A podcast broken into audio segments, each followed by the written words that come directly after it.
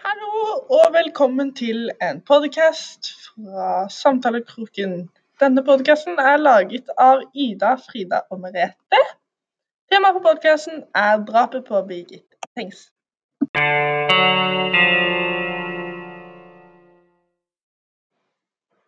Birgitte Tengs var ei jente på 17 år fra Karmøy.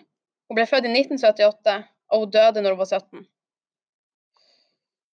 Hun gikk på Skeisvang videregående skole, og der var hun veldig glad i musikk, for hun gikk på musikklinja. Det har vært episoder der Birgitte har sittet på bussholdeplassen og spilt munnspill til dem som gikk forbi. En annen gang så låste Birgitte og ei seg inn i den lokale kirka i Karmøy for å spille munnspill like før midnatt.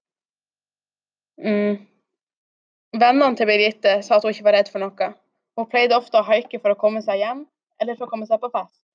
Men på den tida så var det ikke så gode bussforbindelser som det er i dag. Birgitte var veldig kreativ og hadde god humor, og hvis det var ting hun ville lære seg, så stoppa hun ikke før hun hadde klart det. Hun var ikke jenta som var ensom, hun trivdes i sitt eget selskap og hadde ingen problemer med å dra på konsert alene. Faren til Birgitte heter Tore Tengs. Dagen før hun ble drept, så hadde han snakket med datteren over mobilen. Det hørtes ut som hun gjorde det veldig bra på musikklinja, og at hun var svært opptatt av å gjøre det bra på skolen. Hun stressa mye, for hun følte hun måtte gjøre det bra. Hun ville være favor favoritteleven til læreren. Birgitte ble likt av alle, både lærere og elever. Hun var en elev som gjorde leksene sine, hun kom til skolen til rett tid og gjorde alltid det hun fikk beskjed om. Lørdagen 6. mai 1995 ble Birgitte funnet voldtatt og drept. 6. mai 1995 ble Birgitte Tengs funnet drept og seksuelt misbrukt på Karmøy. Kvelden før hadde hun vært på en ungdomsfest på bedehuset på Karmøy. Klokken elleve på kvelden bestemte hun seg for å dra hjem fra festen. Hun rakk ikke bussen og bestemte seg derfor for å haike hjem. En halvtime senere får hun haik med tre jenter i en boble som er på vei til Kopervik sentrum. De tre jentene tilbyr å kjøre henne helt hjem, men hun takker nei. Hun vil se om hun treffer noen kjente i sentrum. Rundt klokken tolv sier hun ha det til de tre jentene. Mange har sett og snakket med henne etter dette. Sånn ca. åtte minutter over midnatt ser to vitner at Birgitte lener seg inn i en bil, en grønn bil, og dette skal ha vært på utsiden av en pub. Knapt en time senere, rundt klokken ett, ifølge politiet, blir Birgitte drept. Der hun blir funnet, er det fullt av kratt. Det er et sauegjerde der og noen fjellknauser. Det er også relativt nærme hus, og det er tegn på at det har vært en kamp der. Birgitte har blitt kvelt enten til døde eller til hun mistet bevisstheten. Deretter har hun blitt slept ned fra en bakketopp langs grusveien der. Deretter gjennom en grunn og blitt lagt bak noen bjørketrær og kratt. Hun blir funnet med strømpebuksen nede på anklene og skjørtet trukket opp. I hånden har hun blonde hårstrå. Ifølge politiet er hodet hennes knust med en 23 kilo tung stein. Politiet kommer til stedet noen timer senere rundt klokken fire. De ser at grinden er åpen, og de ser blodsporene på bakken. De følger blodsporene og lytter etter lyder. De hører en dunkelyd fra gjerdet, og det er noen fugler som flakser opp i lufta. Politiet har ikke gode nok lommelykter til å se noe, så de kjører bare videre. Men før politiet kjører sin vei, lukker den ene politimannen grinden etter seg. Noen timer senere blir Birgitte funnet av en sauebonde. Han var ute og kjørte med traktoren sin da han oppdaget at grinden var åpen. Da han skulle lukke porten, oppdaget han Birgitte. Siden politimannen har sagt at han lukket grinden etter seg, er det mulig at drapsmannen har vært på åstedet samtidig som politiet. Det kan ha vært drapsmannen som lagde bankelyden på gjerdet, og som åpnet porten igjen. På stedet hun ble funnet, står det nå en minnestein. Og ved minnesteinen står det en bamse, og den har stått der i, i sikkert over 20 år. Etter drapet kommer Kripos til Karmøy. De avhører mange vitner, familie, venner og folk som møtte henne denne dagen. Det tar ikke lang tid før de begynner å mistenke fetteren. De legger det fra seg, for han har ikke langt lyst hår som det som ble funnet til Birgitte, men de kommer snart tilbake til fetteren igjen. Lørdag morgen 6. mai ble Birgitte Tengs funnet drept og seksuelt misbrukt i et buskas like i nærheten av der hun bodde. Dermed gikk det samme spørsmålet rundt i byen. Hvem har drept Birgitte? Da politiet banket på døra til Birgittes hus, var det ingen hjemme. Birgittes mor var på et arrangement på Kulturhuset, og faren jobbet på sjøen. Onkelen ble med for å finne moren.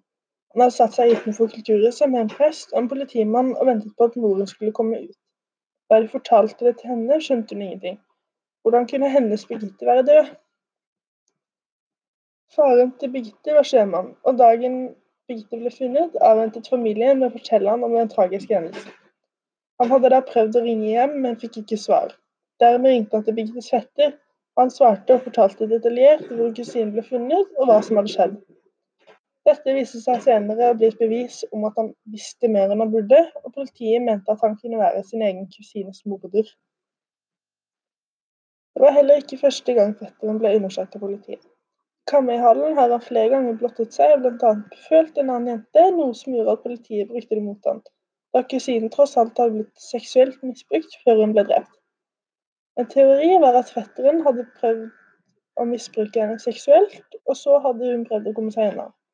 Da det ikke gikk, var han redd for at hun skulle sladre, så da var den eneste løsningen å drepe henne med en stein som lå i lyngen. I begravelsen til Birgitte skulle fetteren være kistebærer, men under seremonien fikk han rykninger i kroppen. Noen mente at det var fordi han var lei seg, mens andre mente at det var fordi han angret. Mammaen til fetteren holdt rundt han i frykt for at rykningen kom fordi han holdt på å besvime. Dagen etter at begravelsen fant sted, ble fetteren til Birgitte Tengs ført inn til avhør. Denne dagen satt hun i seks timer. Dagen etter satt hun i syv timer i avhør. Politiet som avgjorde fetteren, fortalte ham flere ganger at det eneste som lønnet seg for ham, var å fortelle sannheten. Fortelle at han hadde drept kusinen sin. Under avhørene fikk han også beskjed om å skrive ned hvordan han kunne drepe Birgitte og disse notatene ble brukt som en tilståelse. Fetteren ble dermed fraktet til fengsel, hvor de eneste han kunne snakke med, var politiet og advokaten. Birgittes fetter ble den første racerhunden dømt til 14 års fengsel. Etter et par måneder i fengsel trakk fetteren tilståelsen sin. Han kunne ikke tilstå et drap han ikke kunne huske å ha gjort.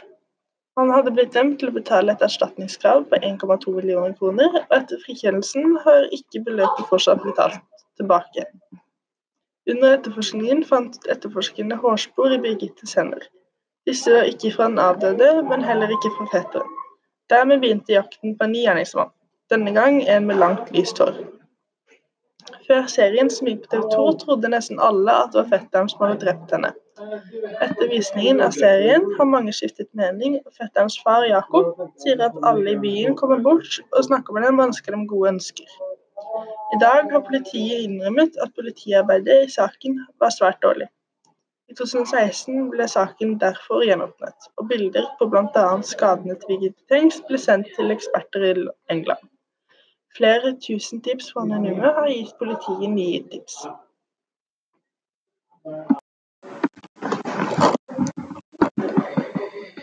De siste årene har flere ting skjedd i Birgit-saken. Jeg har laget en tidslinje med noen av de viktigste hendelsene. 22.1.2014. Politiet begynner en ny etterforskning av Birgit-saken. Um, Oktober 2015. Journalisten Bjørn Olav Gahr kom ut med en bok om saken og peker mot en annen gjerningsmann. Denne mannen har allerede et kriminelt rulleblad og er godt kjent hos politiet. Han har ikke alibi for dagen hun ble drept. Mange har også ringt politiet med nye, tepp, nye tips etter å ha lest boka. Eh, januar 2016. Kripos' nye cold case-gruppe skal gjennomgå Birgitte Tengs-saken som første sak. De får inn, får inn rundt 20 nye tips i saken. Gjennom 2016 og 2017 får man mange nye tips. Mange nye vitner blir også avhørt. Fetteren blir også renvasket, og politiet ser bort ifra til, tilståelsene hans. Um, april 2018. Politiet gjør nye DNA-undersøkelser. Materialet som aldri har blitt undersøkt, undersøkt, skal nå testes. Juli 2018. TV 2 lager en true crime-serie om drapet på Birgitte Tengs. Serien fører til at politiet får inn over 2000 nye tips. 11. april 2019 i år. Politiet får positive svar på prøver av håret som var i hånden til Birgitte. Dette gir dem grunnlag for å fortsette etterforskningen. Det er ennå ikke funnet noen gjerningsmann i Birgitte-saken, men kanskje en gang i fremtiden. Vi får stadig ny teknologi og bedre metoder.